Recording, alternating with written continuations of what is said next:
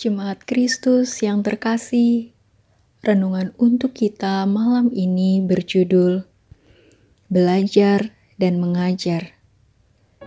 Dan bacaan kita diambil dari Kitab Ulangan pasal 6 ayat 5 sampai 7. Beginilah firman Tuhan. Kasihilah Tuhan Allahmu dengan segenap hatimu, dan dengan segenap jiwamu, dan dengan segenap kekuatanmu.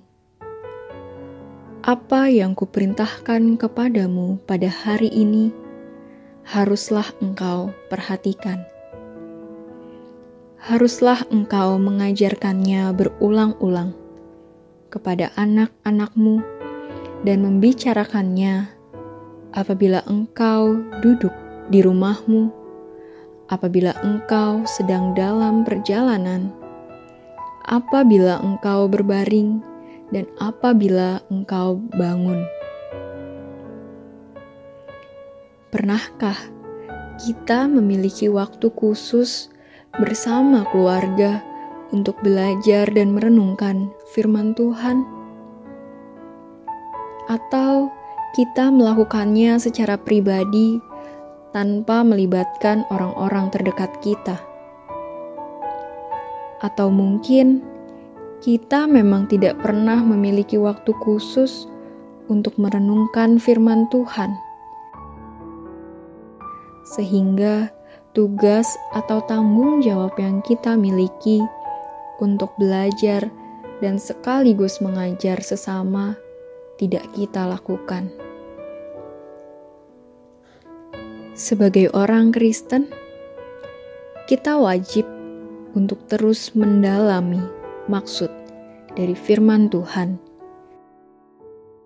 dan sekaligus membagikannya kepada sesama dalam berbagai bentuk yang bisa kita olah.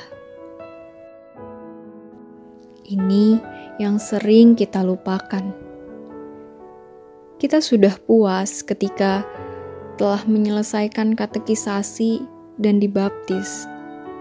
Puas karena merasa tanggung jawab belajar firman Tuhan sudah tuntas dan kita dianggap sebagai orang Kristen yang dewasa.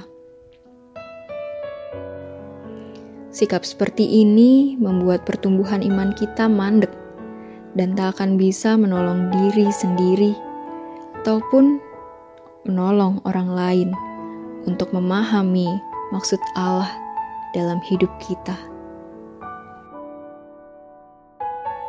Mari kita mulai untuk kembali tekun belajar firman Tuhan, merenungkannya siang dan malam.